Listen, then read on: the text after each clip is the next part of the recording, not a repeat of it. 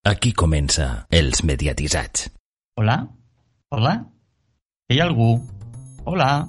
Sí, sí, sí, sí, hi ha algú, hi ha algú. Ah, ah, és que hi ha una mica de pols per aquí, eh? Hi ha molta, hi ha molta pols, hi ha molta pols. Ja fa molt de temps que no, que no obríem això, però bueno, va ser hora també de reobrir eh, els calaixos tancats, no? Sí, i a, i a més amb, amb motiu, no? Perquè tenim els tres directors de les tres eh, cadenes que tenen el català com a llengua vehicular. Eh, tenim a Vicent Sánchez de TV3, Andreu Manresa d'IV3 i Alfred Costa d'Apunt.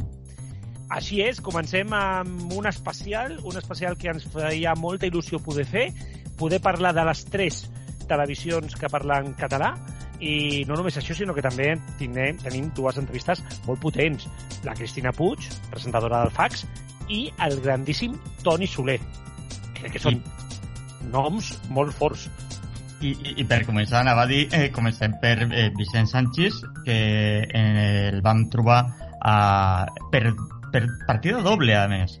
Eh, primer a la, a la presentació de la temporada de TV3 i també vam ser a, la, a un fòrum del CAC eh, on van coincidir els tres directors i allí també vam poder escoltar algunes de les coses que van dir que comentarem després de l'entrevista de totes les novetats de TV3 i tenim aquí el director de l'orquestra, que és a la vegada doncs, el director de TV3, Vicent Sanchís. Molt bones. Què tal? El director de l'orquestra dius que de la banda, home, de la banda. De, de la banda, mai millor dit. Exacte. Eh, nova temporada, sí. nou repte. Eh, com, com explicaries a la nostra audiència què és la nova temporada de TV3? La nova temporada de TV3 és aprofitar els èxits que ja hem tingut i introduir elements que el mantinguen. És a dir, eh, estem parlant d'una programació que podríem dir-ne continuista, perquè és una programació que va molt bé, però evidentment no tot es pot arreglar en continuïtat i per tant entrarà una sèrie de petites eh, turbulències que són programes nous i estan pensats perquè funcionen tan bé com els programes de sempre. O com, o com l'última temporada, vaja, almenys. Sí, perquè estem parlant que el daytime pràcticament no el toqueu, bueno, no, pràcticament no, no el toqueu, és una continuïtat mm. absoluta, potser és dels millors anys a, a TV3 que, de tots els programes de diari. Sí, perquè a més a més, eh, anem a veure, per exemple, a, els matins és un programa que és clàssic. Els matins no es pot tocar perquè sempre cal un magazín informatiu que obri el dia i l'Idia dia no es pot tocar perquè és una deessa, ho fa magníficament. Totalment d'acord. A Planta Baixa és un programa nou, que té pocs anys, i el que hem de mirar, i és un programa, a més a més, que també és líder de la seva franja, i hem d'intentar que el Ricard Ostrell, hem d'intentar, no, li demanem que vagi introduint noves coses, però que mantingui el nivell i eh, tampoc s'ha de tocar això. Eh, si te'n vas després al TN Comarques o al TN Migdia, són clàssics. I si te'n vas a la tarda, la telenovela Sagrada, perquè hi té un seguiment brutal, estem mirant com recuperar el paradís de les senyores per fer dues telenovel·les a la tarda i després el Tot es mou, és un programa que va molt bé també.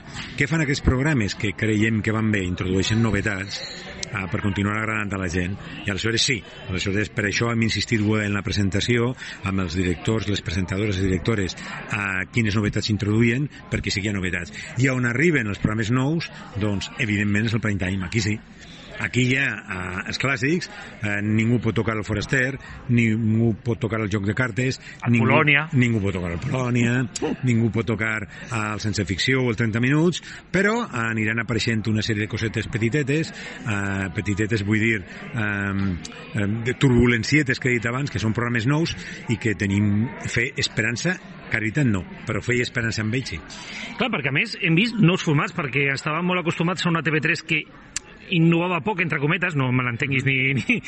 Però, però clar, aquesta vegada, per exemple, esteneu el Fake, el fake Night, sí. que no deixa de ser un late night a les 11 de la nit sí. i, i un format sí. molt arriscat. Ah, és molt arriscat, sí senyor. Sí senyor, és arri... més que molt arriscat, és arriscadíssim, perquè tu estàs intentant que la gent entenga com tu fas entre... Bueno, com no, com l'Oriol Parreño, fa entrevistes eh, diferents. I clar, quan algú fa una cosa diferent, la gent està acostumada a entrevistes, molt bé, però tu dius, no, no, no, ara no farem entrevistes. Considerem que en aquest programa el 20% del programa és l'entrevista i el 80% és un espectacle a l'entorn de l'entrevista. I que l'Oriol Parreño i el seu equip intenten que ens ho passem molt bé eh, sense acabar de fer mai la gran entrevista. Encara que és veritat que la fan. I clar, sí, això és arriscat. Però bueno, Ens arrisquem, no? Sí, bueno, també eh, fan de tu, no tu mateix, però sí, però sí el Tomàs Molina. Com has vist el Tomàs Molina fent el paper de director de TV3? No l'he vist encara. He vist... No, no, no he vist encara. He vist a Mari Pauet. Eh, van triant en cada programa una sèrie de gent que treballa aquí dins i els converteixen en director de TV3 i cada programa el director és diferent. Jo no he vist el Tomàs Molina. Home, és que ho fa molt bé, molt bé, molt bé, li oferiré la plaça, clar. Bueno, ara que estem en un moment de canvi també, que en algun moment hi haurà d'haver-hi algun canvi Clar, a jo TV3. puc parlar perfecte, exacte, jo puc parlar perfectament, bueno, si hi ha un canvi a TV3 no cal que parli de res, però mentrestant jo puc parlar del temps i ell que estiga en el despatx del director prenent decisions. Si li ha agradat, eh, que li ho hem de preguntar. Sí, sí, clar. Les sèries continuen sent, almenys la sèrie de dilluns, no? Estreneu l'última nit del karaoke. Sí. Una sèrie també, diguem, un canvi en les sèries que hem vist habitualment a TV3. És una sèrie amb un format ni la juvenil que hem vist moltes vegades ni les grans sèries, sinó una sèrie de petit format però a la vegada que té pinta de molt intensa. És una petita fricada intensa. és a dir, intentem fer sèries, eh, clar, se'n fan tantes de sèries, Moltíssimes. Uh, hi ha tanta reiteració i tanta història que nosaltres el que busquem ara és intentar sorprendre'ns a tots una miqueta. I l'última nit del karaoke és una sèrie que vol sorprendre una mica a l'audiència, la gent que se l'estigui mirant. És una sèrie que passa eh, tota una nit, només en una nit, i en una nit, doncs, dins d'un karaoke passen mil i una històries. Aquesta té un sentit mm, de l'humor, és una comèdia, amb punts macabres també, el karaoke es crema, i això ja es pot dir, no és I cap... comença així, o sigui... I comença així, per tant no s'espoiler, perquè quan algú no mira ja, quan arriba i veja a les promocions que fem de la sèrie, veurà foc. Pues sí, el karaoke es crema i a partir d'ahí passa el que siga. I el que intentarem després de l'última nit del karaoke, que això ja ens en estem sortint bastant bé, és que cada any a TV3 pugui fer tres ficcions, amb nous sistemes i models de producció que estem treballant ara i amb l'intent que això, que de vegades són dos, de vegades n'hem fet una només perquè n'hem patit moltíssim per pressupost i ara estem mirant tam- amb pressupost molt alt no, però amb el mateix pressupost una miqueta més pot ser eh, fer tres sèries a l'any. Estem parlant molt sempre del pressupost, no? Jo crec que el tema de les sèries, però moltes vegades sempre es pregunta, no? La resta de canals, tot això, moltes vegades hem parlat del canal juvenil. Com és la situació pressupostària ara mateix de TV3 i com afronteu aquesta, aquesta temporada i, sobretot, què es necessitaria perquè TV3 fos la TV3 que ha de ser, no? La televisió pública d'aquest país. No, home, ja és la televisió pública Bueno, del país. la, la, la, la que realment vol molta gent veure, no? És la Eh, crec que, bàsicament. home, home, hi ha molta gent que la vol veure. La història dels jovens és una mica, és a dir, la gent, eh, quan parla de públic juvenil, concretament juvenil, eh, ha de tindre en compte mm, quin consum de televisió o d'imatges o de pantalles fa aquesta gent. I aleshores nosaltres eh, tenim moltíssim públic generatiu en la televisió convencional i sobretot en alguns programes. I també quan ho fem per internet també. Però sobretot és a internet on moltes vegades les audiències no compten perquè no s'expliquen, on en tenim un muntó. És a dir, mm, a veure, és importantíssim que nosaltres siguem conscients, sembla que hi ha gent que es pensa que no en som conscients, que el públic infantil i juvenil és bàsic. I aquest públic no se n'ha anat, però ara, per dir-ho així, ens comparteixen moltíssima eh, oferta.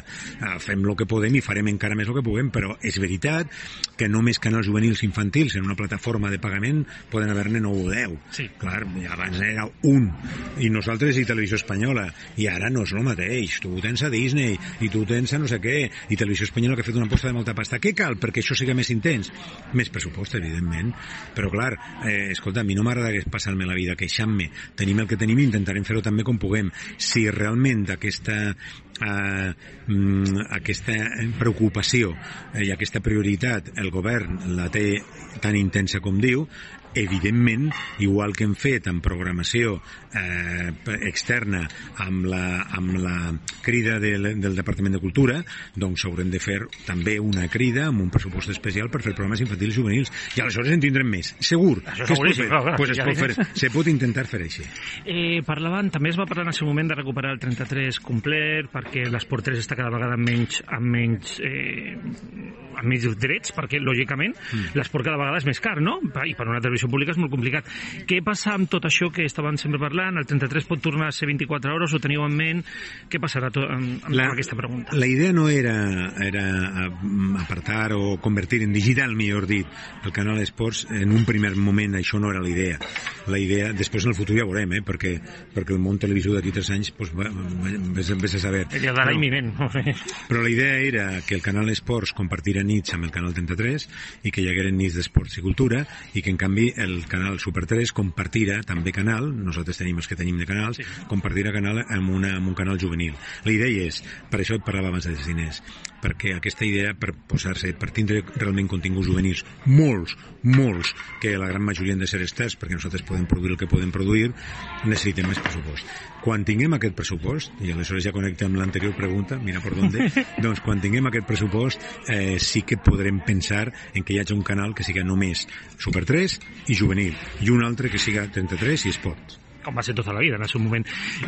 Com ha estat tota la vida, però fill meu, al final no deixes les, elles, les sendes velles per les novelles i com podria tornar a ser era. Ara, el que passa és que és veritat que les coses canvien i després torna a canviar i després torna a canviar potser d'una altra manera però et porten al mateix lloc. Sí, la qüestió és fer-ho sempre bé i mantenir liderats i mantenir grans audiències. I després pues, les coses van i venen i, bueno, i les anem per dir-ho així, reformulant a mesura, en la mesura de les nostres necessitats. Darrera pregunta és la mateixa que li vaig fer al, al director de, de la ETV a, a la presentació que vam fer al festival, i és que TV3 també ha apostat per l'esport femení. Sí. I, i, i, I no hauria de ser una sorpresa, però ho està sent, uh mhm. -huh. i les televisions públiques, especialment, doncs en aquest cas TV3 i ETV, no sabem si uh mhm. -huh. també d'altres autonòmiques, estan apostant per l'esport femení que, com, com plantegeu aquesta entrada i sobretot si és una aposta, diguem, a futur o ens quedem aquí? És una aposta molt forta. Atenció, nosaltres apostem per l'esport i sobretot també ara pel futbol femení, perquè el futbol, el futbol femení està agafant volada eh, i comença a ser un gran espectacle. I el que no té cap sentit és que una televisió pública no ho veja, perquè evidentment la societat s'ha de conscienciar que els esports eh, són per tots i l'esport més dur fins i tot també és per tots eh, i per totes. I per tant nosaltres hi hem de ser. Però aquí hi ha una cosa afegida que és una sort que hem tingut en guany i que ja veurem si tenim l'any que ve que és que els drets del futbol femení ara com ara són drets assequibles. Eh, encara no han entrat a competir ho han fet però no ha acabat de funcionar. Grans plataformes o grans productores que es disputen aquests drets amb uns preus que nosaltres no hi puguem arribar com passa amb el masculí. I per tant, aquí s'ajunten dues coses, que són uh, la fam amb les ganes de menjar. Per un costat tenim uh, l'obligació i la vocació de fer-ho, més esport femení, més futbol que mai, i donar-li tota la importància possible perquè vagi encara a agafar més volada i d'un altre costat que ho podem fer perquè no és car és bastant barat. Doncs pues mira, que bé, no? Estic contentíssim. Fantàstic. I, I una última, eh, IB3 eh, a punt, eh, s'han vist produccions conjuntes, sense anar més lluny l'amor del Guinyem, etc etc. Eh, serà aposta per aquest any i sobretot arribarà ja la desitjada eh, compartició de canals amb, amb a punt?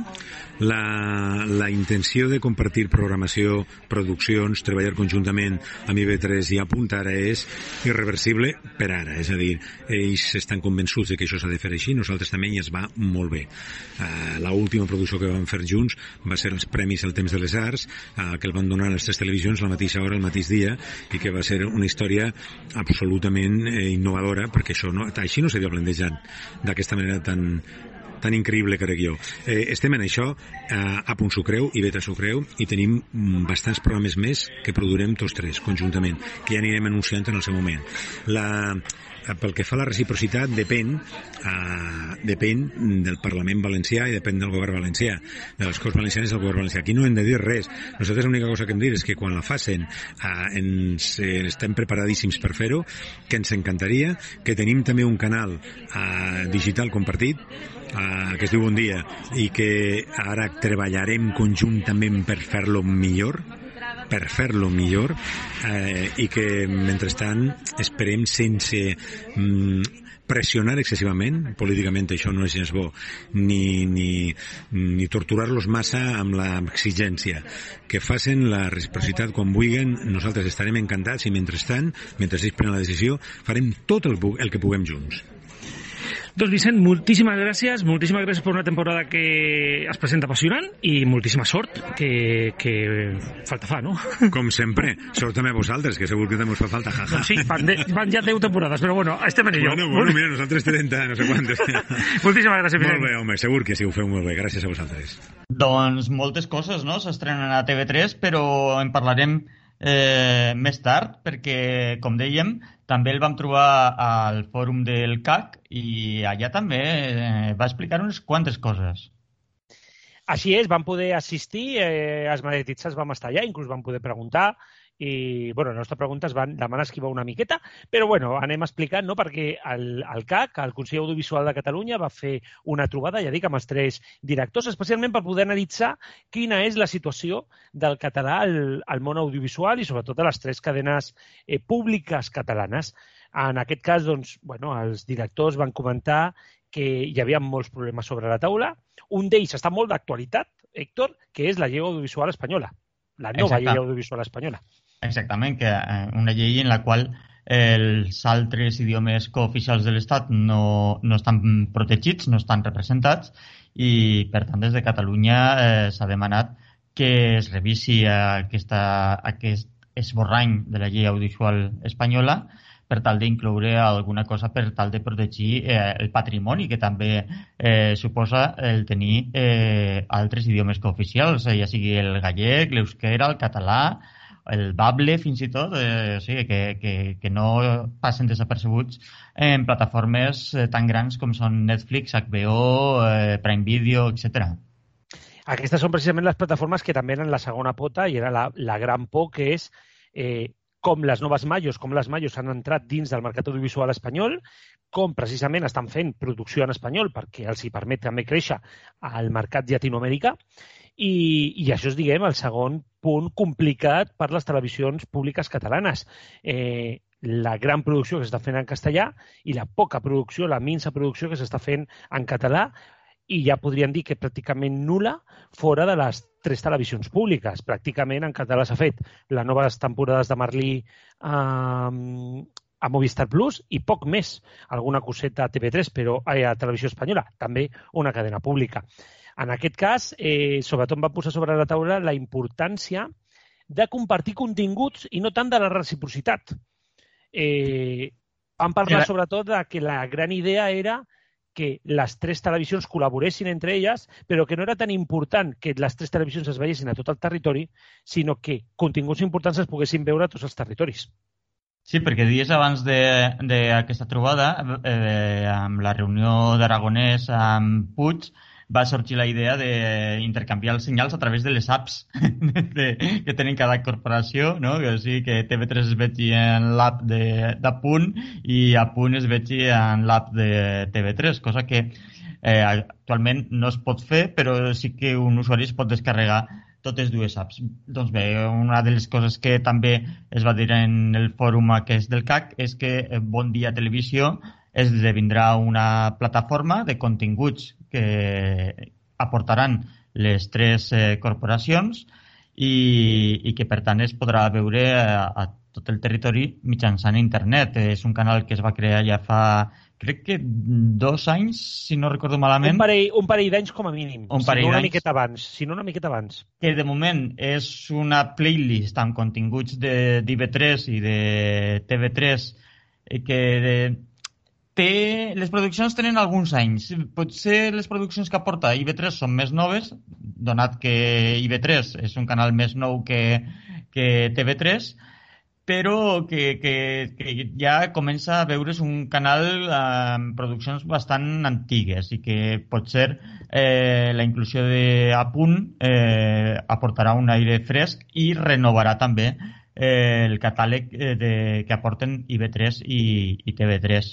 I van dir, crec que seria abans abans de 2022 la incorporació de, de Punt. Sí, que seria durant l'any que queda. Eh, sí que és cert que també van deixar caure que potser Bon Dia TV ja no es quedava només en un canal, sinó que podia anar una miqueta més enllà. Va ser una de les meves preguntes si es podria apostar per una plataforma comuna, no us imagineu, doncs, no? està TV3, està IB3, està Canal 9, però per què no a punt, tenir Eh, ui, caral, no, mare meva, m'he ido jo, ido jo més, més enrere de, de, de, de, de quan va començar els mediatitzats. Eh, precisament, no, doncs, hòstia, si no seria una possibilitat potenciar un únic espai audiovisual català. Encara que cada televisió emeti, per què no tenir un bon dia, un, un, una web, eh, o sigui, una aplicació dita Bon Dia, on pogués veure totes les, les televisions i poguessis tenir tots els continguts de totes les plataformes, de totes les cadenes bueno, eh, van esquivar com, com si fos Messi eh, baló i no, se'l van portar i no van respondre, però bueno, aquí està la idea sobre la taula i anem veient. perquè, com ja has dit, Bon Dia TV eh, es nodreix ara mateix de dos canals, TV3 i IB3. I IB3, i justament d'IB3 vam poder parlar amb Andreu Manresa, que ens va parlar de la nova temporada d'IB3. I tenim ara el, el cap de, de IB3, bueno, de, de Ràdio i Televisió d'IB3, l'Andreu Manresa, molt bones. Molt bones. Bueno, com, què ens espera? Què, què, tenim, què tenim al cap o què teniu al cap per aquesta nova temporada d'IB3? un futur sempre és millor i més creatiu i més modern. La ràdio ja ha canviat, han canviat eh, el programa de matinal eh, que presenta la Maria Ferrer, a la tarda ja hem arregat el Raplà, hem obert també un altre capítol de podcast que es diu Carta Blanca i a la televisió mantenim el programa central del matí a la tarda i noves sèries les sèries de ficció que estem acabant i, el nou, i les darreres capítols de les que teníem en marxa abans de, amb, amb Odegans i Pep acaba la seva trajectòria i fem Sicília sense mort conjuntament amb TV3 a punt i Mopi. Sicília sense mort és una adaptació audiovisual d'una novel·la de Guillem Frontera, d'una novel·la recent de Guillem Frontera, que és una espècie de uh, que seria una entre negre i crim eh, que tindria una idea americanitzada però que és sobre el sistema corrupte i mafiós de les Illes Balears literàriament duit a l'escena eh, que se fa també en coparticipació i amb la valenciana, balear i mallorquina, liderada per un productor mallorquí per IB3, que ja tenia idea i aquest seria el tema central. Després, qualitat informativa, desenvolupament de eh, les nostres plataformes digitals i de les, del plana web i de les noves eh, formes de distribució del nostre senyal. No just el senyal tradicional, amb bon dia que tindrà la incorporació de punta aquesta tardor, sinó també amb, eh, amb versions breus de vídeos i notícies que surtin abans de no estar subjectes als informatius de les dues i a les 8.30 de la nit. Hem estat veient eh, que precisament Balears s'està convertint, les Illes Balears s'estan convertint en un espai de molt bones produccions. Eh, hem vist com, com Pirates en Baleares, que, que estan estrenant també a plataformes, eh, aquestes coproduccions que s'estan fent i, i estan tenint Balears com a base. Eh, IB3 ha tingut molt a veure i, i, i aquesta tele que ha anat de mica en mica i picant pedra ja ha fet que el sector audiovisual balear torni a reneixer. La gran novetat de la tardor, de la tardor i vent serà Pirates a Balears, que no havia esmentat que és una coproducció d'una productora de Mallorca en Canal Història Internacional i amb, el, i amb IB3 sobre Pirates i el Corsari de les Balears mig docudramatitzat, mig documentat en testimonis d'investigadors. És ambiciós i de qualitat i és un altre d'aquests rectes de fer el salt amb produccions que tinguin abast internacional. El Canal Història, que vam estar a la presentació al festival, ho va vendre com la, una de les grans produccions, si no la més important, del Canal Història, que tenen molta intenció de vendre internacionalment, i no deixa de ser una coproducció amb IB3. Jo que ja dic que, que com a cadena és un orgull fer aquestes coses, no? Per, per mi, per nosaltres, pel Departament de Televisió i de Ficció és un orgull, perquè van vindre amb el projecte, el van digerir, els van fer explicacions i comentaris sobre com era la història, el testimoni, molt bona intenció, i ho han fet d'una manera, diguem-ne, que el Mediterrani s'explica a través de les ràtcies i també de les ràtcies que els illencs amb patent de cors, que eren corsaris, feien. Però la història d'un Mediterrani és la història també de, dels atacs dels corsaris i que una cadena de tanta volada com Canal Història mos tingui present, efectivament. Eh, per anar acabant, no? moltes vegades estem veient com hi ha produccions, i és aquesta la mateixa pregunta que li vaig fer al Sanchís a la presentació de, de, de la temporada de TV3, eh, cada vegada estem veient més col·laboració entre IB3, a punt i TV3, de maneres, inclús moltes vegades més que amb la Forta. No? L'espai audiovisual català sembla que té, que té tirada, que té tirada inclús a nivell internacional. Eh, cap a on voleu apuntar des d'IB3? No? Li vaig preguntar, ja dic, el mateix al Sanchís, cap a on voleu, voleu apuntar IB3 aquesta col·laboració i quin és el futur d'aquesta col·laboració? I moltes d'aquestes col·laboracions eh, o de producció no serien possibles sense col·laboracions, sense participació, no just pel tema econòmic, sinó el tema de la difusió posterior del producte. És a dir, si tu fas una coproducció en tres televisions, tens assegurada que aquestes televisions ho emetran no tan sols li posaran diners, sinó aportaran, diguem-ne, talent d'actors, talent de productores i eh, públic. I això és el gran repte, dir, tot allò que sigui possible en temps d'austeritat i també obrien concursos de creativitat i projectes d'idees oberts a, als convocatoris de projectes oberts a les productores illenques. Doncs Andreu, moltíssimes gràcies, Andreu Manresa, director d'IV3, moltíssimes gràcies i moltíssima sort a una temporada que sembla apassionant. Moltíssimes gràcies a vosaltres, eh, per l'amabilitat, eh. Una temporada, Garrobo, que destaca sobretot eh, la coproducció amb Canal d'Història de Pirates en Baleares. Sí, una de les grans sorpreses, eh, perquè com escoltareu a, a Los Mediatizados dijous vinent, eh, precisament és una de les grans apostes també d'AMC i de Canal d'Història per aquest curs eh, i una sèrie de quatre capítols, si no m'equivoco, que té molt de potencial. Però ja dic, no són les úniques qüestions, no? IB3 jo crec que ha mantingut una graella eh, molt estable, amb algunes novetats que ja has contat el propi, el propi Andreu. Mm, no fa falta que les repetim perquè, perquè és que no s'ha hecho un listado perfecto. ha estat de meravella. Eh, és un plaer quan vas a una persona ja saps el que, ja, ell ja sap el que tu necessites escoltar i t'ho explica tot.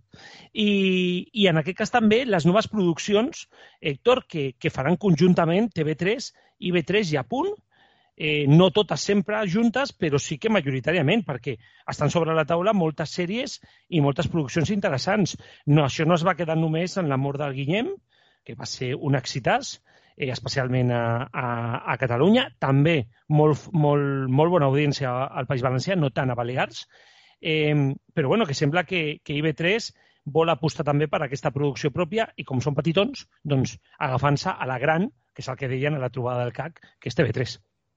Eh, exactament. Eh, un dels projectes que tenen en comú és la sèrie Mòpies, que eh, crec que estan acabant-la de fer ara mateix i, i ja veurem com resulta. I és que IB3 eh, aporta a, al, al conjunt de les tres cadenes el seu savoir-faire, diguem, eh, com, amb sèries com Amor de Cans, Treu Foc, Mai Neva Ciutat, fins i tot Pep, que l'hem pogut veure a, a TV3, això sí, en un horari mm, no de prime time, sinó de, de segon prime time, diria, diria jo. Bueno, i que I... diu sempre Vicent Sanchís també, eh? Sí, sí. Eh, exacte, que, que, que es veu que les sèries eh, produïdes a IB3, quan es passen a TV3, s'han de passar a un horari que no molestin, diguem, perquè potser eh, la gent del Principat no entén molt bé el parlar de ses illes. Bueno, també és cert, també és cert que s'ha demostrat i també està passant a, a Balears, eh? eh? Les estrenes de continguts de TV3 no donen l'audiència que espera moltes vegades IB3 mentre al País Valencià és un èxit. Qualsevol cosa que s'estrena de TV3 funciona i funciona bé. Sense anar més lluny, parlaves de no només el saber fer de TV3, sinó que inclús adaptant qüestions com crims, que a punt també ha fet la seva, el seu programa de crims, no? Eh, I després s'ha mantenir a la eh, TV3 funcionant molt I bé. B3 també, I B3 també tenia també. la seva versió, exactament. I una altra de les sèries eh, de les quals va parlar és Sicília sense morts, que és, un, és una adaptació d'una un, novel·la negra, eh, que també en un principi era un projecte d'IB3 i que després han expandit a les altres dues cadenes. I que tindrà, si no m'equivoco, persones que parlin els tres accents. bueno, els quatre, podríem dir, inclús eh, i que tindrà, diguem, persones que o sigui, volen explorar també l'opció de... bueno, millor la qüestió no és fer-ho només amb un, amb un accent, sinó fer-lo amb tots i que tothom estigui veient una sèrie i tingui moments que potser pugui entendre una miqueta menys o que li puguin respondre una miqueta més, però que es puguin sentir totes les veus, no? I totes les formes dialectals del català. Mm, I, per tant, em sembla una molt bona aposta.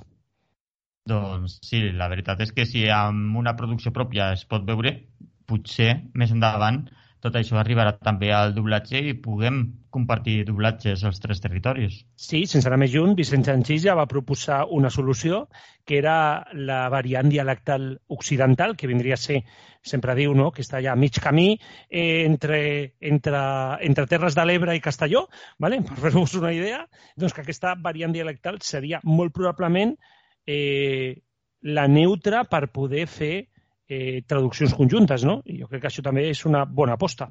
Doncs parlant del País Valencià, també vam poder tindre l'oportunitat de parlar amb Alfred Costa, el director general de Punt Media, i eh, ens va adelantar algunes coses de la nova programació i alguna cosa que ja hem vist a la televisió com els nous informatius que es van estrenar aquest dilluns a la tercera pota, en aquest cas de l'audiovisual català públic, i és a punt, el seu director general, l'Alfred Costa, molt bones. Què tal, encantat.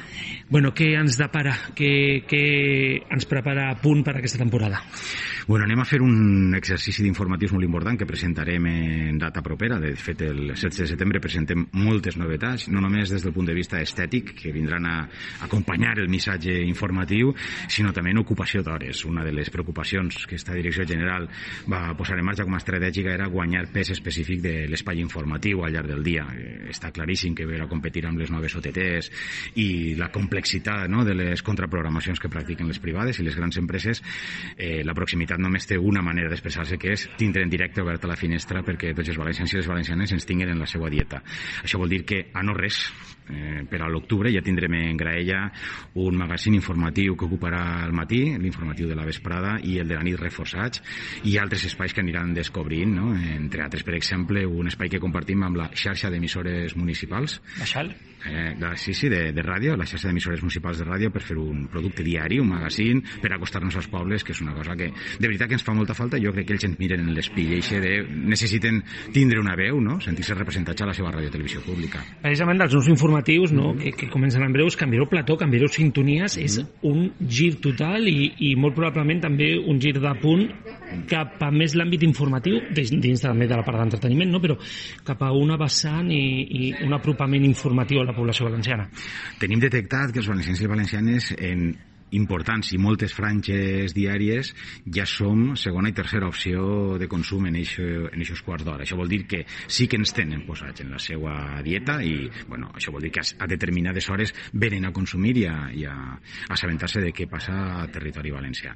Ara només ens queda acompanyar això de la part d'entreteniment, lògicament, que és assolir la vesprada, on hem fet un canvi important, l'hem estabilitzat i ara confiem que esta tardor ens acompanyen els números, i després algunes franquícies que han funcionat molt bé eh, mantindre-les. Algunes d'elles, lògicament, amb eh, referències d'actualitat, no? com el programa Zoom, que sabem que està tenint molt bona acollida, senzillament perquè parla de les coses que ens preocupen, és a dir, eh, s'acosta moltíssim al que passa al carrer, i això és important, no? eh, trencar aquesta barrera de vidre entre allò que és informació escèptica i baixar una miqueta al detall. El Cartes en Joc va fer un 7,1, que és un rècord d'audiència fa no res, bueno, pues és el típic producte de proximitat, no? i bueno, ens acosta el docu-reality, que és aquest entorn híbrid no? de l'entreteniment divertiment i la picaresca. Si no passa res, tindrem una nova temporada de Valencians al món, que per a nosaltres és important també tindre aquesta realitat forània de tots els valencians i les valencianes, que tinguen sempre no? una àncora posada en la seva televisió per a, per a que sapiguem què és d'ells, i mantenim altres franquícies en aquest sentit que anirem alternant. Eh, a no res que arribi el mes d'octubre desembarcarà la segona mid-season, la segona mitja temporada de l'Alqueria Blanca, que entenem que donarà un nou revulsiu als números i ens acompanyarà perquè tot el món va entrant a poc a poc també per consumir això i tot, tota la programació satèl·lit al voltant de la sèrie que, que ha marcat no? una generació i que ara hem volgut recuperar perquè pensaven que teníem un deute amb tota aquella gent. Ha sorprès moltíssim que, que moltes vegades pensaven que el mercat audiovisual valencià i el català eren molt diferents, uh mhm. -huh. però a la vegada estan tenint uns èxits molt comuns i podem parlar de les sèries juvenils que, sí. com, com ja bé explicaves en, en altres espais, no tenim un potencial, però Cartes en Joc no? és una demostració que al final ha funcionat molt bé el joc de cartes a Catalunya i el True Crime, uh -huh. que a més heu agafat al, al Crims català, uh -huh. i estan funcionant molt bé. Potser potser no tenim mercats tan diferents, no? tant el català com el valencià, i sobretot cap a on voleu experimentar en el prime time, que com bé explicaves a la jornada del CAC només tens una hora, uh -huh. de 10 a 11, eh, què teniu en ment ja no només per aquesta primera part de la temporada, sinó per tota la resta? A veure, estos productes el que tenen és que són grans formats, és a dir, no només tenen èxit així, sinó que venen ja amb un prestigi en altres televisions, moltes d'elles públiques, aquesta és una mirada que nosaltres sempre tenim posada, no, no desviar només des del punt de vista mercantil la selecció dels, dels formats, però és que tenim productors productores eh, tant a Catalunya com a territori valencià que tenen molt de talent i hem d'aprofitar-ho. Vull dir que en aquest sentit qualsevol col·laboració serà bona. Estem treballant ara en assolir aquestes franquícies, estos productes, i com jo deia a la xerrada, no? en la mesura que siga possible, que no sempre és fàcil, anar fent alguns experiments per anar incloent al catàleg de novetats a poc a poc no? altres productes. Però van tots en aquesta línia, és a dir, de donar una cobertura d'entreteniment, no? siga quina siga la derivada, no sé si és factual, docu-reality, però que tinguen un component d'entreteniment bàsic on inocular el missatge. A mi em dona igual que el missatge siga de caràcter social, de caràcter cultural, perquè eixe paraigües és el que fa que siga de manera transversal eh, acceptada per tot el món. No, no són productes de nínxol, a l'inrevés. El que hem d'aconseguir és que aquests missatges de caràcter caràcter cultural, de foment i tal, arriben en una cobertura el més important possible. No?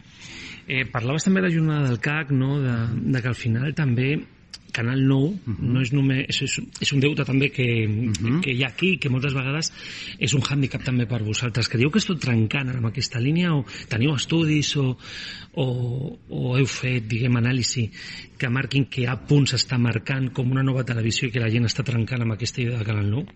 La gent l'ha distingit, per això jo diria que estem vivint una sèrie de plagues bíbliques no? que juntat amb les paradoxes ens fa molt difícil llançar el missatge de que ha arribat una telenova, però en el fons no deixa de ser un servei públic valencià destinat als valencians. I això, durant 25 anys, va haver una tele que va aconseguir arrossegar aquesta familiaritat de consum. No? El que ens toca és, en algunes portes, picar i dir, atengueu-nos, que és que gran part d'allò que vosaltres veieu en aquella, en aquella tele està representat aquí. El que passa és que hem desaparegut per la sintonització i ells, durant la vesprada, venen consumint eh, altres productes, els hem d'aportar, els hem de guanyar i només podem fer-ho convencent-los amb productes de molta proximitat, amb molta humilitat i molt de respecte. No és fàcil, no és fàcil aquest exercici. Bueno, molta humilitat, però a la vegada també heu fet grandíssimes estrenes, com l'Alcaria Blanca, que no deixa de ser un format històric, que heu fet grans estrenes, inclús sèries que s'han emès a Televisió de Catalunya, amb més èxit inclús, entre cometes, sí, sí. que a la pròpia, a la pròpia televisió valenciana, sí. no?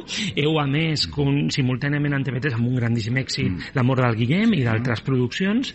Eh, cap a, on, cap a on creieu que ha d'anar aquesta col·laboració que està sent inclús més forta que amb la Forta, no? Sí. I més amb mm-hmm. TV3 i, i, i B3, cap a on creieu que ha d'anar o cap a on vol a punt portar aquesta, aquesta col·laboració? Sí, veure, hi ha una part important també que és de múscul del sector audiovisual. O sigui, ningú posa en dubte que una ficció és el que aporta major riquesa, entre cometes, a, al sector i ho converteix en un fet estratègic. Primera, perquè tu comptes amb els teus actors, les teves actrius, no? I, i tot el teu talent que vas recuperant després d'aquella fallida de la tele, tornes a casa per posar el talent al servei de, dels valencians. Però, clar, ho fa amb una mirada extraterritorial, fora del territori. I això que permet també juntar sinergies amb altres productores que tenen molt de talent no?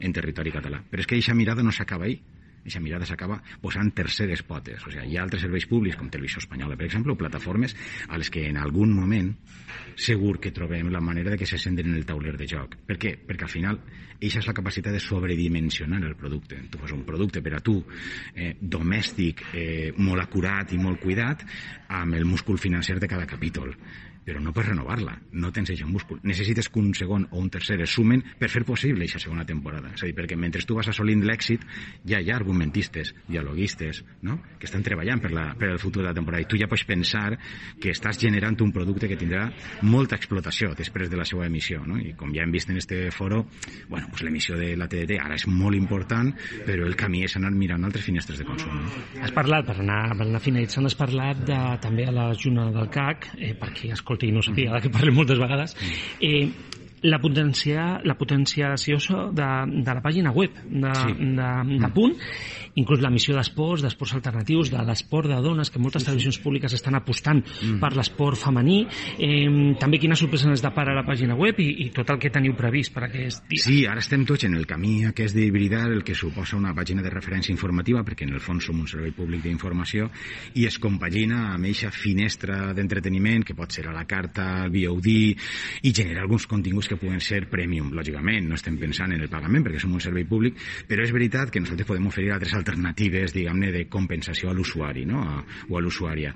Eh, hi ha dos o tres eh, camins oberts, entre ells el que comentaven els nostres companys ja a la xerrada, que són les OTTs, és a dir, aquest vídeo, gran catàleg on tu poses part de la teua eh, potència audiovisual no? al servei d'altres plataformes.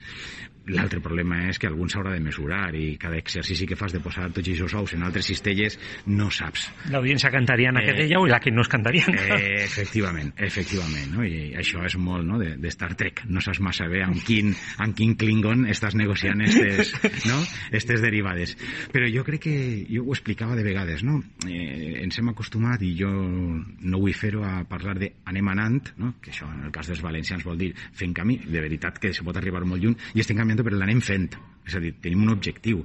Possiblement ens costarà molt més temps que anar anant i no arribarem on arribaríem només anar anant, no? que em vas amb la mirada perduda. Tenim molt clar quins són els objectius i jo trobo que amb l'ajuda de les corporacions, companyes i d'altres alternatives que aniran sumant-se, trobo que, que ocuparem el lloc que, que ens mereixem al mercat. I ara la pregunta per tancar, i aquesta és molt política, i al final moltes vegades ens ho pregunten, i li he fet la mateixa a, a Sanchís, al Vicent Sanchís. Pues passaré paraula. Exactament, passaré paraula segurament, no? però aquesta reciprocitat que es demana tant no? i que es diu eh, cap a on creieu, no? Esteu a punt d'entrar a Bon Dia a Televisió, uh -huh. eh, diguem seria un èxit no? tenir una plataforma conjunta, però creieu que és viable o que està sobre la taula o que és possible aquesta temporada o en breus veure TV3 al País Valencià i veure a punt a Catalunya?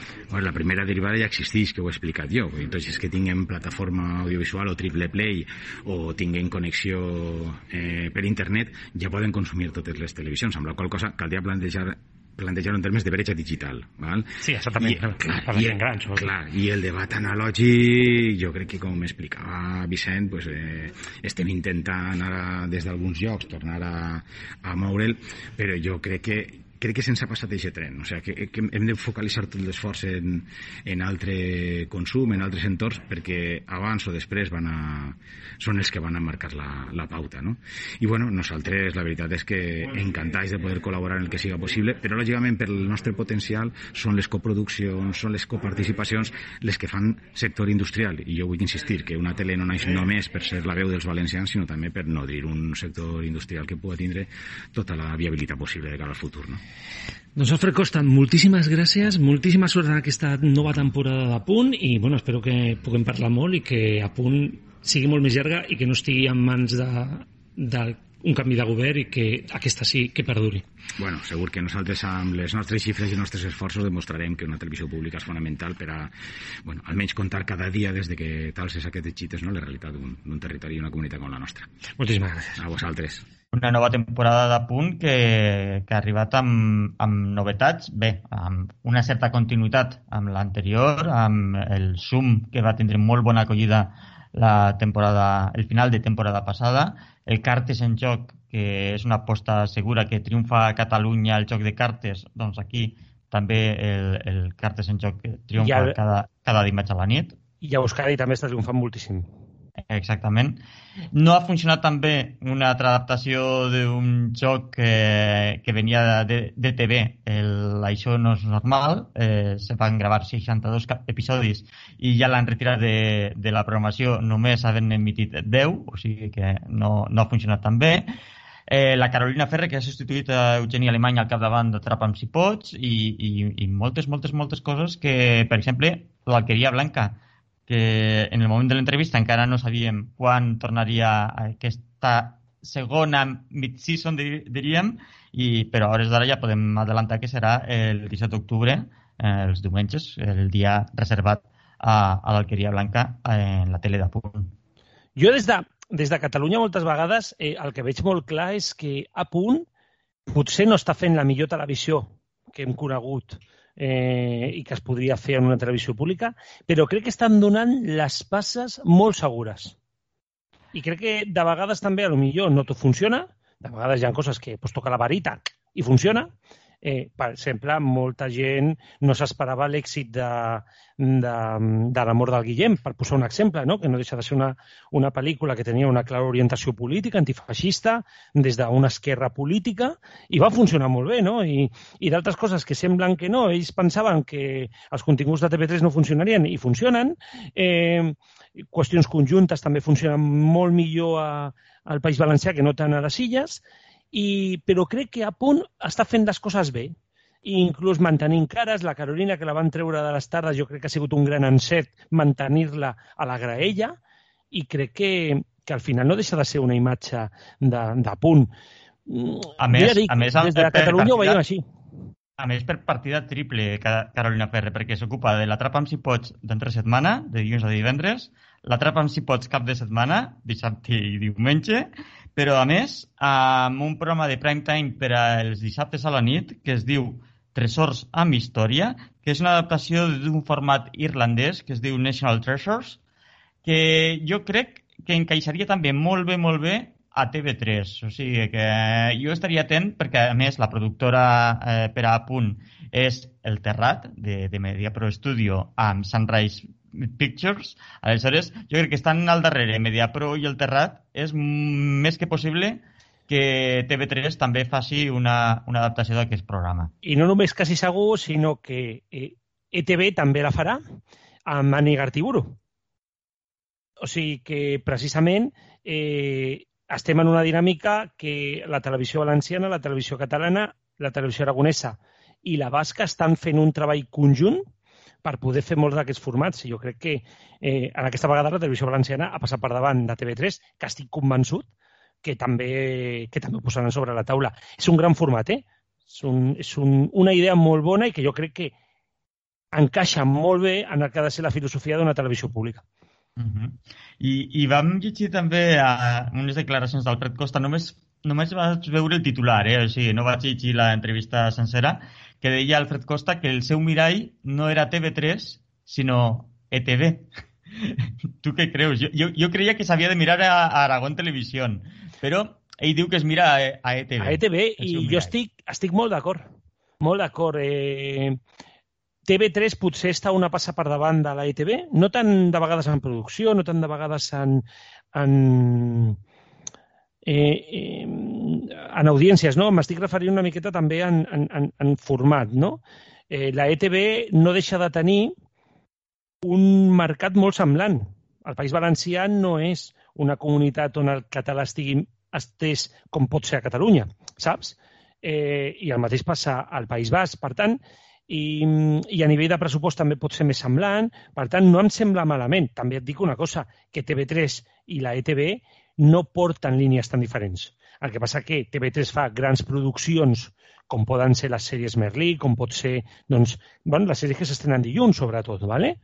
mentre CTV doncs, fa molts programes i tal, i té una línia molt semblant al que està intentant fer a punt. I no em sembla una mala idea.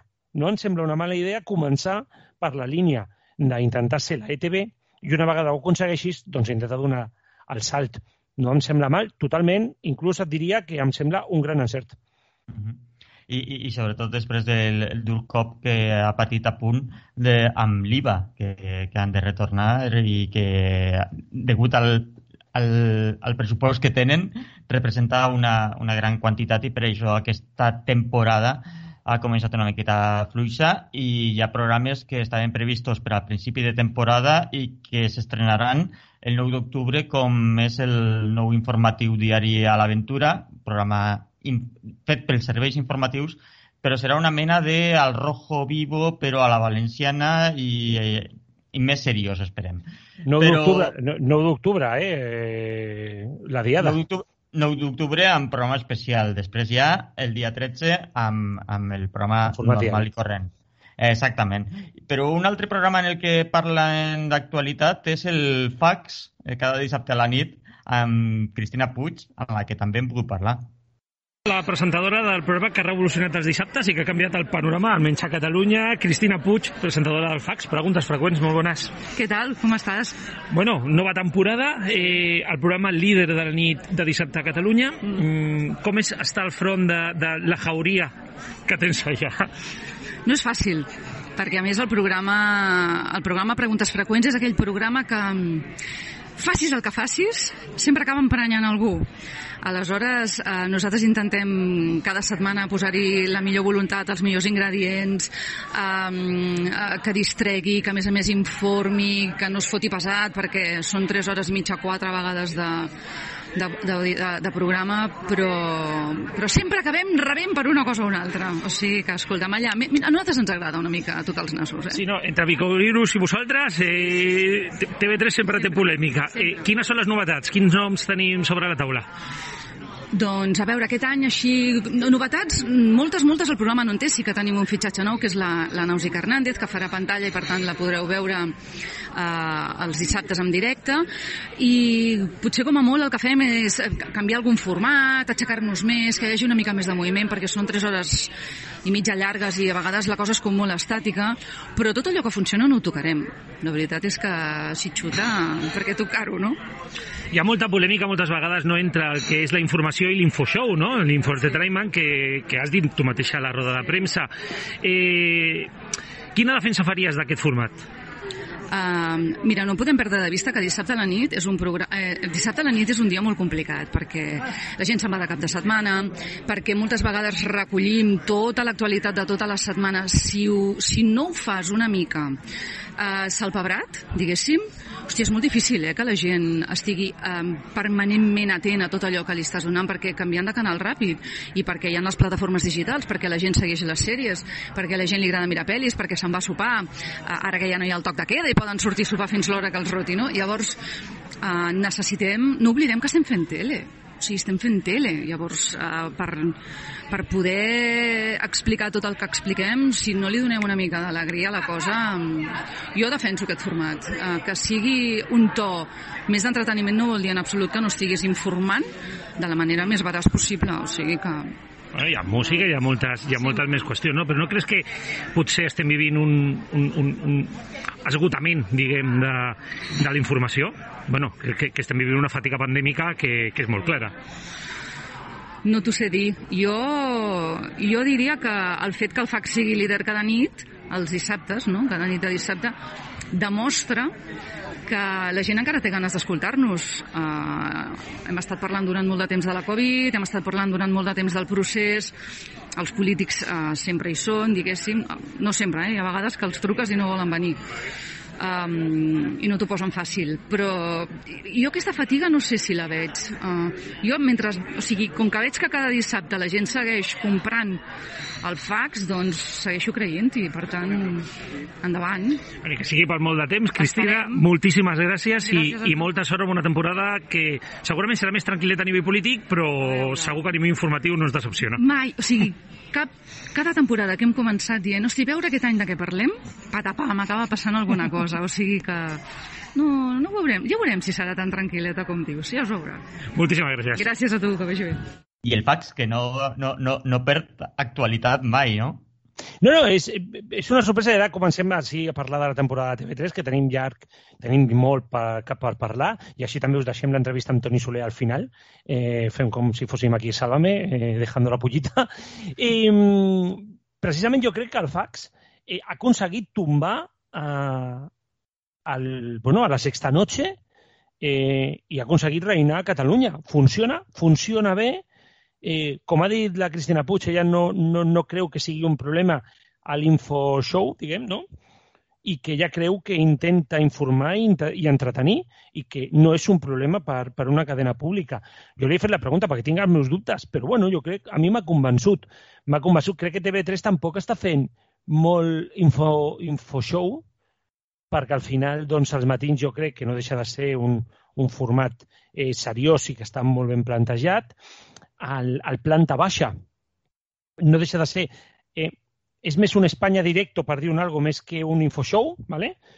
és un format en, entretingut més que d'entreteniment, vindria a ser. Eh, les tardes és un, és un magazín, no és informació. Els informatius jo crec que són dels més seriosos de tota la televisió que podem veure no només a Catalunya, eh? em refereixo eh, pràcticament a tot l'Estat.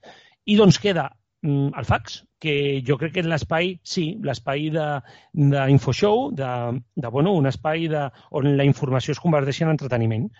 bueno, crec que és una aposta arriscada i que va sortir molt bé i bueno, es veu que al final el fax jo crec que també estan cuidant moltíssim la imatge. Jo crec que això és molt important.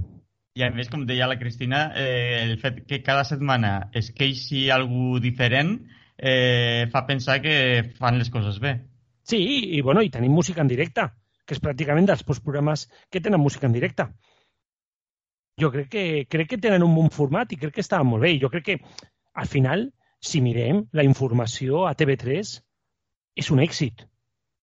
És indubtable, innegable que, que els telenotícies són líders, que els matins de TV3 són líders, que el planta baixa està molt ben situat i que, bueno, jo crec que al final tenen una bona parrilla, no? Una bona graella. I si anem al prime time, i ara parlarem, ja dic, d'un dels, dels reis del prime time, no? Però l'accés també és l'accés, diguem, accés informatiu, no tant accés prime time, doncs té un protagonista amb nom i cognom. Sí, el, el Toni Soler, que cada dia abans del TN Vespre eh, tenim aquesta mena d'informatiu magazín d'actualitat en clau d'humor, ironia i sarcasme que és, l'està passant. I tenim a nosaltres un dels protagonistes també de la temporada de, de TV3 i, a més, un dels històrics de la televisió. Ell es diu Antoni Soler Iguas, però tothom el coneix per Toni Soler. Molt bones. Hola, què tal, com esteu? Molt bona. Eh, bueno, nova temporada de l'està passant. Eh, aquest any què apostareu més? Per tenir més audiència o més polèmiques? Uh, no, les, les polèmiques, per desgràcia, és un ingredient que, que no fa nosa, excepte si acaben als tribunals. Eh, per tant, és difícil a vegades trobar la mesura, no? Per no, no se te'n vagi la mà. Però eh, jo prefereixo que les coses funcionin per, per que l'audiència vingui doncs, de, de, de, dels continguts, de, de, de l'humor, de l'entreteniment, eh, de tot això, no? I, bueno, és un repte complicat. L'any passat el, el vam patir molt per, per la pandèmia, pel fet de fer un programa sense públic, uh, uh, confinaments i, i diversos, etc. I aquest any hauria de ser un any una mica de represa. I com va sorgir la idea de fer l'està passant? M'agradaria dir que va ser idea meva, però no és veritat. Va ser una proposta directament del Vicent Sánchez, del director de TV3.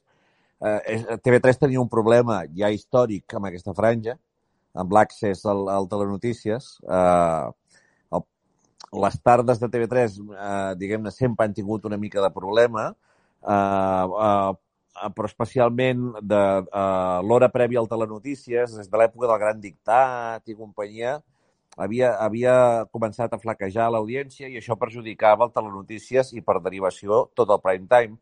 I, per tant, era una franja eh, estratègica per TV3 i a mi em van proposar doncs, de fer una peça d'entreteniment però molt basada en l'actualitat i, i, i bueno, doncs, doncs sí, realment l'objectiu que té, que és acumular audiència pel, pel Telenotícies, doncs el compleix. Bueno, i està funcionant. Realment, eh, cada vegada que fas un programa, no, no sempre, eh, però fas, fas molt, molts, molts formats i en aquest cas, ja dic, l'està passant, a més, amb el Jair Domínguez, que ha sigut una de les revelacions també de, de TV3 eh, ets una, diguem, a qui es posa al costat teu no deixa de ser també una revelació posteriorment. Bueno, ens, ens agrada... Home, ens agrada fer, fer pedrera, diguem-ne, tot i que en Jair tampoc és una criatura, ja. Però eh, en Jair és una persona amb un gran talent, el que passa és que, bueno, té un perfil eh, molt, eh, diguem-ne, destroyer, eh, per, perquè és molt combatiu a les xarxes socials i tendeix una mica viu, viu, viu bé en l'escàndol, no?, una mica. Jo, jo, Però... jo, soc, molt, jo soc molt de la línia Jair, eh? o sigui, això de... Vale, vale, pues, llavors uh, ja, ja saps de què parlo i tal. Eh, esteu fent, esteu fent, esteu, esteu omplint graelles també d'altres sí. espais. I sí que és cert que també, a més, eh, teniu un altre programa en graella, en aquest cas tu com a, com a productor general, si no m'equivoco, no me'n recordo sí. exactament el càrrec, que és el Polònia, Sí. 17 temporades crec que van ja, no? Una, una barbaritat. Sí, eh, com és sí. mantenir a parrilla eh, a la graella no? d'una cadena com TV3 tants anys un format com el Polònia? Bueno, doncs és una benedicció. Per una productora és una benedicció, perquè dona una estabilitat que cap productora té, perquè les productores eh, saben que tots els programes que comencen es poden acabar d'un dia per l'altre, com molt bé saps. Eh, i en canvi tenir un programa com aquest, eh, 40 programes l'any durant 15 anys, doncs és una cosa que dona molta estabilitat, que ens ha permès créixer com a productora i fer més moltes més coses. I a més, doncs, coi, també de, és un format tan sòlid que ha sobreviscut a, a una renovació gairebé total de l'equip. Vull dir, no només jo no hi sóc, el, el, el director, l'equip de guió, els, els realitzadors, eh, el, els actors han anat marxant, han aparegut de nous i el format resisteix i es resisteix malgrat els canvis de president, de, de, de rei, de papa i de tot el que vulguis. Vull dir que... Eh, I és un format que quan el veus ara dius, bueno, es, es, es veu una mica eh, de, de... es veu l'edat que té, diguem-ne, no? Però jo crec que li ha passat allò de que ha passat de ser retro a ser una mica un clàssic. I això, doncs, li garanteix bueno, jo crec que té molta vida per davant. Qualsevol sí. dia qualsevol dia deixarà de tenir audiència, no sabrem per què, i, i, i, bueno, i defallirà el programa. Sí, perquè precisament et volia preguntar, és molt difícil fer humor, ja et dic, eh, tant al Polònia com a l'està passant des de les diverses, diguem, des de totes les franges de l'humor, és molt difícil fer humor quan ens trobem amb, amb situacions complexes com les que hem viscut, eh? I molt, a nivell polític eh. crec que es veu molt, no? Eh, i crec que inclús per als, per als guionistes i per als creadors d'aquests formats ha de ser complicat, no? Uh, uh, sí, sí, sí, sí. Sí, però a més, uh, tots els guionistes són persones i tenen les seves idees i els seus sentiments i llavors uh, hi, ha, hi ha moments que no et ve de gust riure o fer riure de segons què, saps? I gairebé, gairebé hi hauria moments d'objecció de, de consciència, no? Com sí, suposo sí, sí. que els ha passat als, als nostres col·legues nord-americans durant els anys d'en Trump, estic segur que, molts se'ls van passar les ganes de fer broma, no? Ara, ara us seria molt més fàcil fer el Cracòvia que no tant el Polònia. Hòstia, no fotis. Uh, no fotis. Eh, o sigui, ens, ens moriríem ara no, el, el Cracòvia. Eh, és molt més... El públic futbolero és molt més intolerant que el públic polític. Vull dir, és curiós, eh? Jo quan, quan encara circulava per Twitter, eh, el primer que vaig aprendre és a no fer tuits sobre futbol tot i que els meus amics, bueno, meus amics, els meus admirats, perquè amics encara no ho són, però admirats sí, de la sotana, eh, eh, han, han, han, han, uh, han realment redescobert el gènere de, de, de l'humor així més, més destraler sobre futbol, eh, jo trobo que és un camp de mines, perquè la gent hi posa molta passió i, i, i els insults van que volen i tal i jo crec que ara, eh, tal com està el pati, jo no, posar-te a fer humor sobre el Barça es necessiten moltes ganes. I ja per la, la darrera pregunta, una miqueta sí. per, per, per fixar, diguem, tir d'aquesta temporada, què, què teniu previst o quin és l'objectiu, sobretot, d'aquí a final de temporada per l'estar passant i eh, amb què diries, vale, hem fet la temporada, hem fet la temporada que volíem? És el cinquè, és la cinquè temporada ja l'està passant, i és cada sí. dia. Vull dir que uh, a mi m'agradaria que l'està passant fos tan sòlid, acabés la temporada tan sòlid, que si jo decideixo que és moment d'un canvi, uh, doncs el programa ho, ho, aguanti, ho aguanti bé. Uh, aquest per mi és el gran objectiu. Doncs, Toni, moltíssimes gràcies i, sobretot, molta força que teniu una temporada trepidant políticament, sobretot veient el que ha sigut aquesta setmana, que anda que també políticament potent. Sí, Així... sí, sí. Maca, maca. Sí. Toni, sí, moltíssimes sí. gràcies i, bueno, espero escoltar-nos la temporada que ve, ja veuràs que sí. Gràcies, gràcies. fins aviat. Doncs molt interessant tot el que ens contava el Toni Soler. Sí, jo crec que a més també obrim la porta del prime time, no?, eh, amb el Polònia, són 13 temporades ja del Polònia? És que ja he perdut el compte de, de com està. Precisament jo crec que crec que TV3, la seva gran aposta ja no és només la informació durant el dia, sinó també el prime time. Té un prime time molt potent. En aquest cas, el Polònia jo crec que és el, el rei del, del prime time, però bueno, Crims, que està funcionant de meravella. Eh, I a més amb, amb la polèmica de la Guàrdia Urbana, que està sent un autèntic show Eh, és només semblant a Sálvame, que us podréis encontrar en, en la tele catalana. Eh, I, bueno, amb, amb estrenes molt potents, perquè jo crec que el, fa, el Fake Night és, com, hem, com ha dit el Vicent Sanchís quan l'he preguntat, és com a mínim arriscat. O sigui, és un late night que no és un late night, que és un programa que no és un programa, que és una sèrie, perquè no deixa de ser una sèrie d'humor. Doncs sí, i el fet de veure a personal de la casa fent de director de TV3 cada setmana... És, això és espectacular, això és espectacular. Eh, inclús també me- me'n recordo que va preguntar el... Va pre... O sigui, me'n recordo ara de la presentació de TV3, no? I, i estaven discutint el presentador de Crims i el presentador del joc de cartes que quin era el millor programa. I li van preguntar a Sanchís i l'únic que va dir és que a, mi, a ell li semblaven els dos molt cars. Com a gran resposta en general. Eh, va, estar molt, va estar molt entretinguda la, la presentació, ja dic, i, i continguts. Jo crec que TV3 ens posa sobre la taula molts. I un dels que a mi més m'ha sorprès és que aquest any aposten per, per una sitcom eh, en principi final que és el, el, que- la nit de, la, darrer- la última nit del karaoke, L'última nit del karaoke, exactament. que comença la sèrie amb l'incendi del karaoke i que el que veurem durant la sèrie és com vam arribar fins ahir. És una sitcom perquè no deixa de ser un escenari molt petit, mateixos personatges, buscant una miqueta les trames d'humor i que jo crec que és una de les grans apostes. Hi ha més, eh? hi ha moltíssimes apostes perquè TV3 ens va presentar una barbaritat de, de contingut, però bueno, que anirem descobrint-ho de mica en mica. Eh, Sí, la música hi ha- torna, també. Hi ha, hi, ha, coses que les veurem a finals d'octubre, com la banda sonora, amb l'actor Ivan Lavanda, que l'hem vist també eh, durant moltes temporades al, al Polònia. Si no, Eh, si no ho he agafat, la banda sonora. Exactament. ahí, juego de primer ahí terreno. un, un, un, Eh, de espectacular. paraules. Espectacular. Espectacular. El lloguer a primera vista, que també els dimecres amb Anna Simón. Em sembla molt guai aquest format. Per, I el, qui ho vulgui, per qui vulgui saber de què va, juntaran eh, en un mateix pis a una persona gran i una persona jove i intentaran conviure precisament doncs, eh, demostrant que es poden conviure generacions diferents. No? I, I jo crec que pot ser un format molt interessant.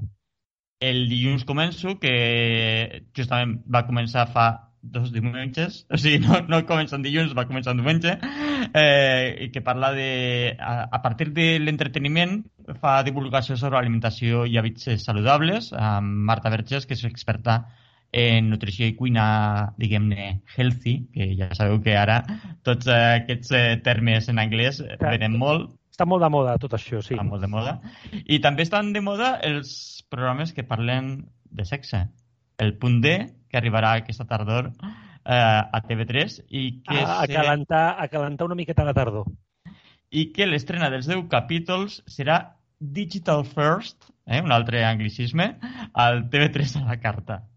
S'està posant molt de moda, eh? RTV Play ho fa, ho fa també. Ara el TV3 a la carta. Mm, crec que el camí de les teles públiques és apostar per online més inclús que el lineal, eh? Sí, sí, sí, sí, sí, sí. I també tindrem nova temporada del Foraster, el joc de cartes, eh, de persona infiltrada, l'APM que continua els dimecres eh, en prime time, el Polònia que parlàvem fa un moment també els dijous, el Sona Sapping, el Sense Ficció, el Preguntes Freqüents per descomptat amb Cristina Puig, el 30 minuts, el 30 minuts, eh? Quants diumenges hem vist reportatges del 30 minuts que no sempre duren 30 minuts? També No, diem. sempre s'allarga una miqueta més, però bueno. Sempre, eh, no va, sempre. Aproximadament 30 minuts. I, i, i, i, I una de les coses que passen aquesta temporada a TV3 és que arriba una sèrie turca. Una sèrie Sí? turca, Germans, que no sabem si arribarà també a Punt i a IB3. Crec que de moment no han anunciat res. És una sèrie que ha comprat La Forta, per tant, seria de suposar que, que arribi també a, a Punt i a IB3. I és una sèrie que és l'adaptació turca de This Is Us, que aquí a Espanya eh, es pot veure, si no recordo malament, a Prime Video i que l'ha emès ja eh, Televisió Espanyola al Sí. primer canal. Sí, exactament, la vam emetre al primer canal.